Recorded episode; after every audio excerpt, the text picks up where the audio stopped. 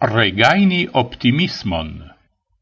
Alvenis la Zamenhof tago, la nascic tago de la creinto de Esperanto. Ocasas cie en Esperantujo Zamenhof festoi, en kiwi convenas membroi de Esperanto asocioi cae aliai amicoi de nia cara lingvo, por digne celebri la memoron je nia granda maestro cae por montri che la lingvo daure restas en niai coroi.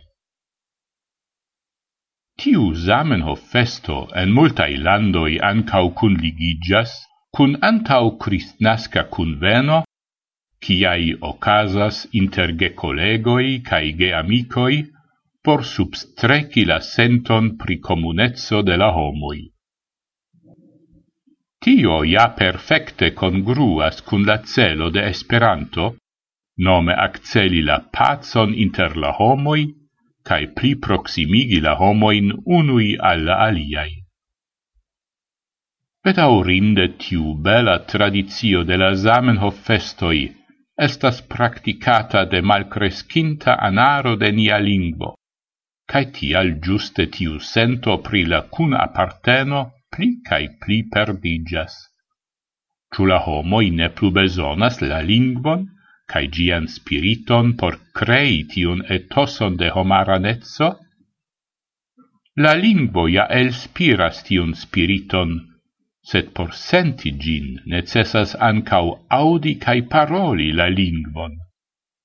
Caien troveblas la causo por la malcresco de nia afero se la lingvo scio restas nur supraja, cae la practicado de la lingvo ne ocasas regule, sed nur ocase de congressoi au ec nur ocase de la ciu iara Zamenhof festo, tiam ancau tiu comuna sento ne vere povas plen cresci. Por povi senti sin ano de nia lingva comunumo, ni besonas la regulan, suffice oftan contacton cun gi. Se tio en antauai epocoi, do antau la epoco de la interreto, nur malfacile eblis, tio nun relative facile eblas. Radio programoi, respektive podcastoi en Esperanto, nun disponeblas en suffice granda quanto cae qualito, por ebligi ciutagan auscultadon de paroladoi pri interesai temoi, au la auscultadon de musicajoi cun textoi en Esperanto. Samtempe disponeblas textoi por subteni la audeblan materialon. Estas clare che tia conduto de regula auscultado postulas forto strecion cae dedicion al nia afero sed ella forto streccio crescas la comuna sento.